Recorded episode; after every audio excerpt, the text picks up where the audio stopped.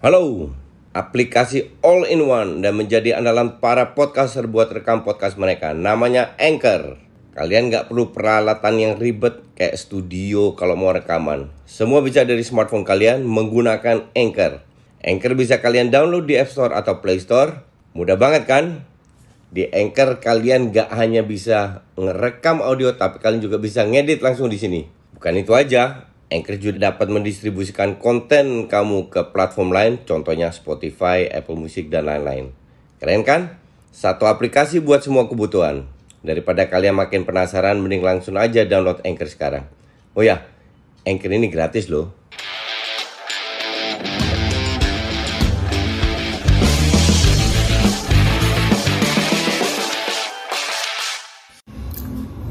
Hola, salam Just Talk. Um, sesuai dengan janji gue, gue bikin preview uh, Champions League. Dan preview Champions League ini bekerja sama dengan Peluit Panjang. Apa itu Peluit Panjang? Peluit Panjang itu sebuah website bola. Kita tahu semua lah, banyak sekali website bola luar negeri, dalam negeri. Tapi Peluit Panjang ini uh, memberitakan bola sangat updated dan nggak banyak gosip lah. Kita tahu banyak uh, website yang isinya gosip-gosip. Nggak jelas yang nggak ada hubungannya dengan bola. Cuman kalau ini benar-benar seandainya ada ada berita yang jelas bukan hoax masuk ke peluit panjang langsung updated kalian juga bisa lihat. Ini sekarang kan gue kasih uh, preview.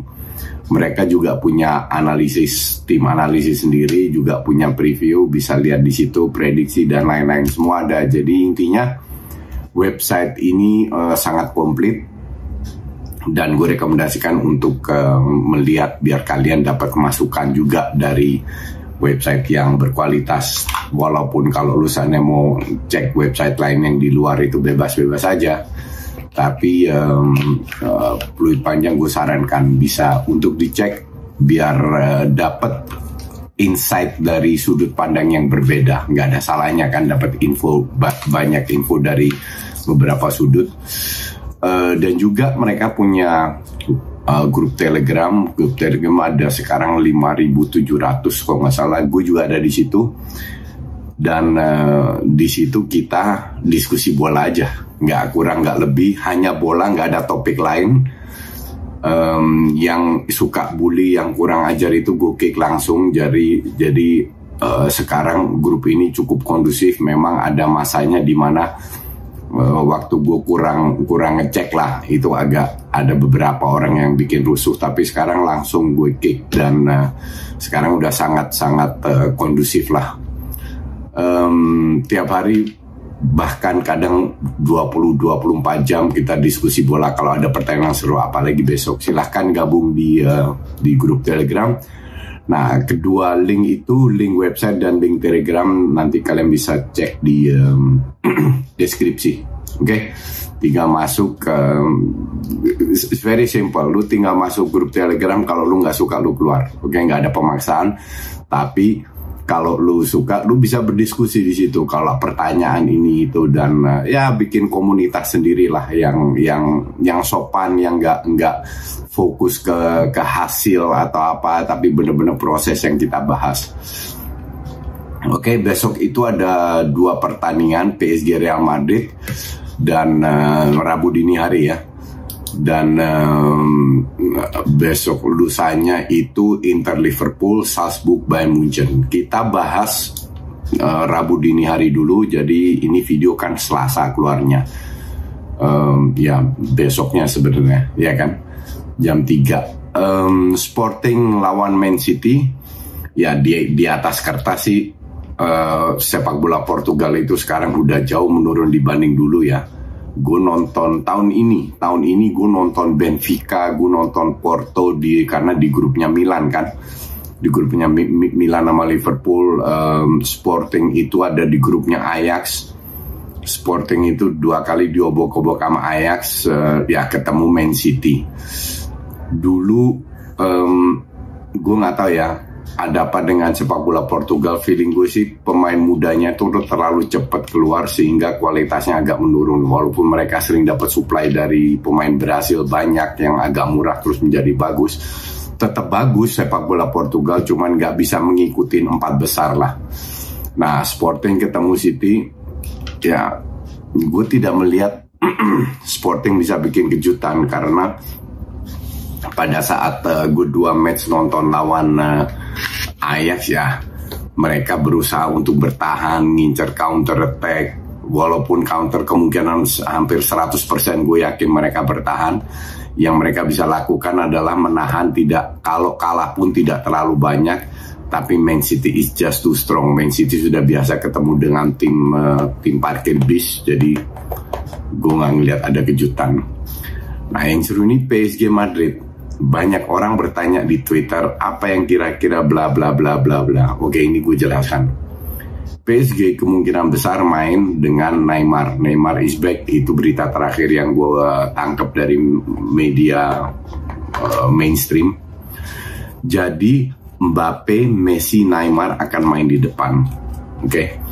Gue nonton PSG dua tahun terakhir, bahkan tahun ini juga berapa kali mereka ketemu Barca. Gue nonton itu juga. Um, gue gak begitu impress dengan PSG ini. Terakhir di Liga gue nonton mereka ketemu Ren. Um, apa namanya? Ketemu Ren. Itu menit-menit terakhir ngandelin skill individu Mbappe sama si Messi ya.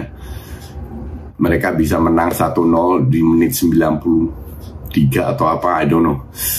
Tapi intinya gue bener-bener gak impress. Memang ada yang bilang ya kebetulan PSG main jelek. PSG ini kalau gue bilang murni ngandelin tiga pemain depan. Gue nonton PSG lawan Barca, PSG lawan Munchen. Dari dua pertandingan, lawan Barca aja mereka cuma sekali main bagus di Barca itu juga murni skill individunya uh, si si Mbappe. Main di Paris harusnya Barca bisa menang. Barca yang udah terseok-seok gitu. Lawan Munchen pun sama. Jadi gue sama sekali nggak impress dengan tim ini secara membangun serangan lini lini lemahnya untuk gue bilang nah, di lini tengah belakang oke okay lah dengan Kim Pembe, Marquinhos kalau mereka lagi bagus-bagus banget gue mau ngenalin kalian aplikasi rekaman andalan gue, Anchor. Jadi Anchor ini aplikasi yang lengkap buat para podcaster. Kita bisa ngerekam, ngedit, tambah musik, efek, bahkan sampai upload ke platform lainnya. Semua bisa dari Anchor. Nah, aplikasi Anchor ini bisa kalian download di App Store atau Play Store. Dan juga di website di www.anchor.fm. One app that your podcast needs. Oh ya, Anchor ini gratis ya. Tapi not bad lah. Cuman lini tengahnya gue bilang itu jelek. Mau Paredes lah, mau Drexler lah, mau Wijnaldum, mau, mau Wijnaldum jarang main, Herrera.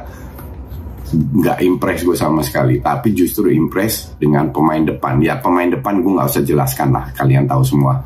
Cuman yang gue lihat uh, di beberapa pertandingan Eropa, PSG ini sering ngincer bolanya ini langsung ke depan, langsung ke Mbappe atau ke Messi atau ke Neymar, mereka yang melakukan dribbling dribbling ya skill individunya kalian tahu sendiri lah. Nah kalau ini bisa ditahan Madrid definitely Madrid bisa menang.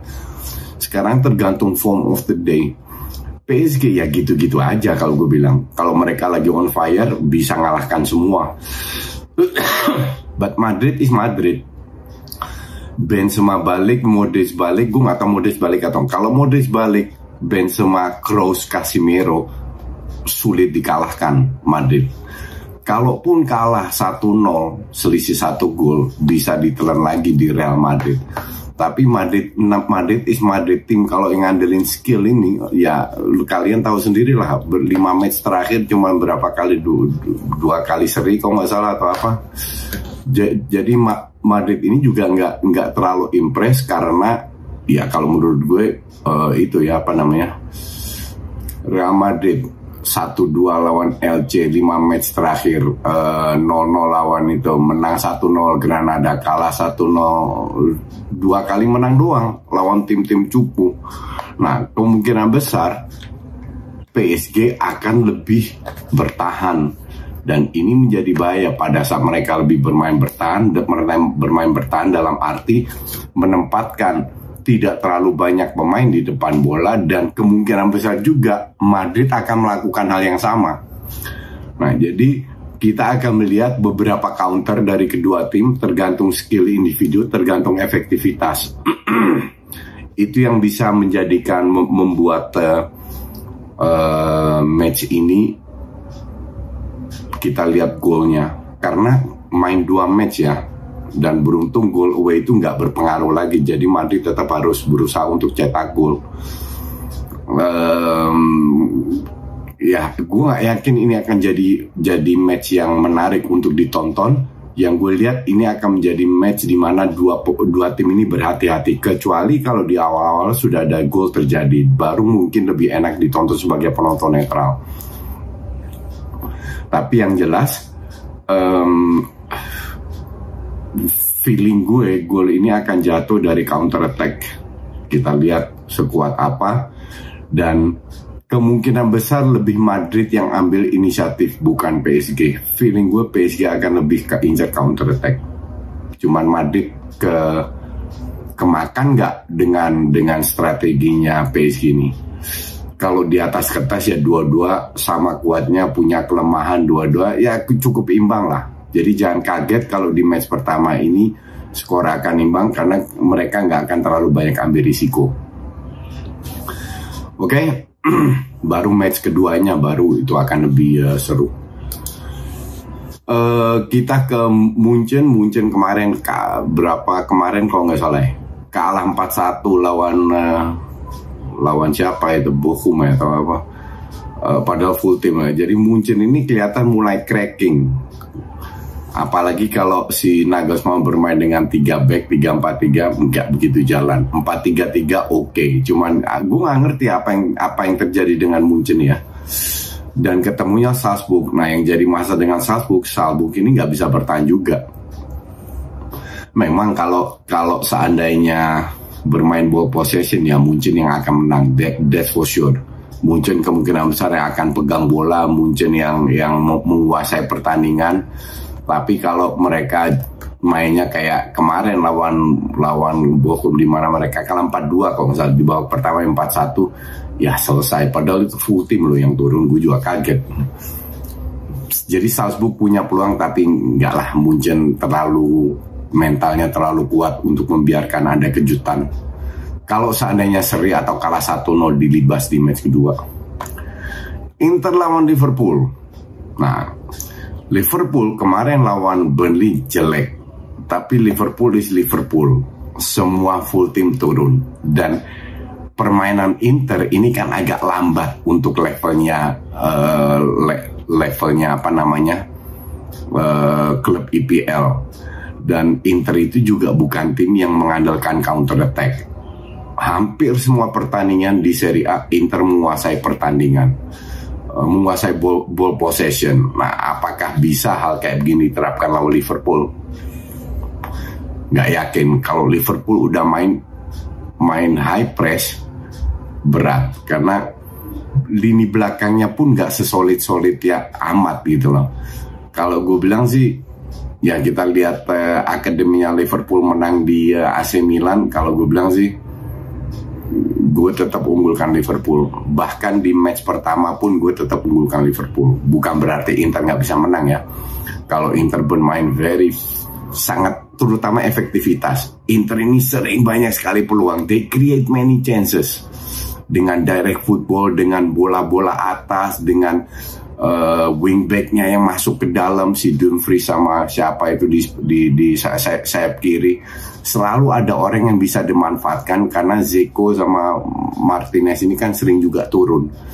Nah, kalau seandainya semua kombinasi itu berjalan perfect, bisa aja Inter menang atau cetak gol. Tapi secara overall, gue rasa Liverpool nggak ya kecuali kayak kemarin Liverpool kayak lawan Burnley main jelek banget Inter lagi ba bagus banget bisa aja Inter menang tapi kalau semua berjalan normal gue tetap unggulkan Liverpool seri atau menang tipis.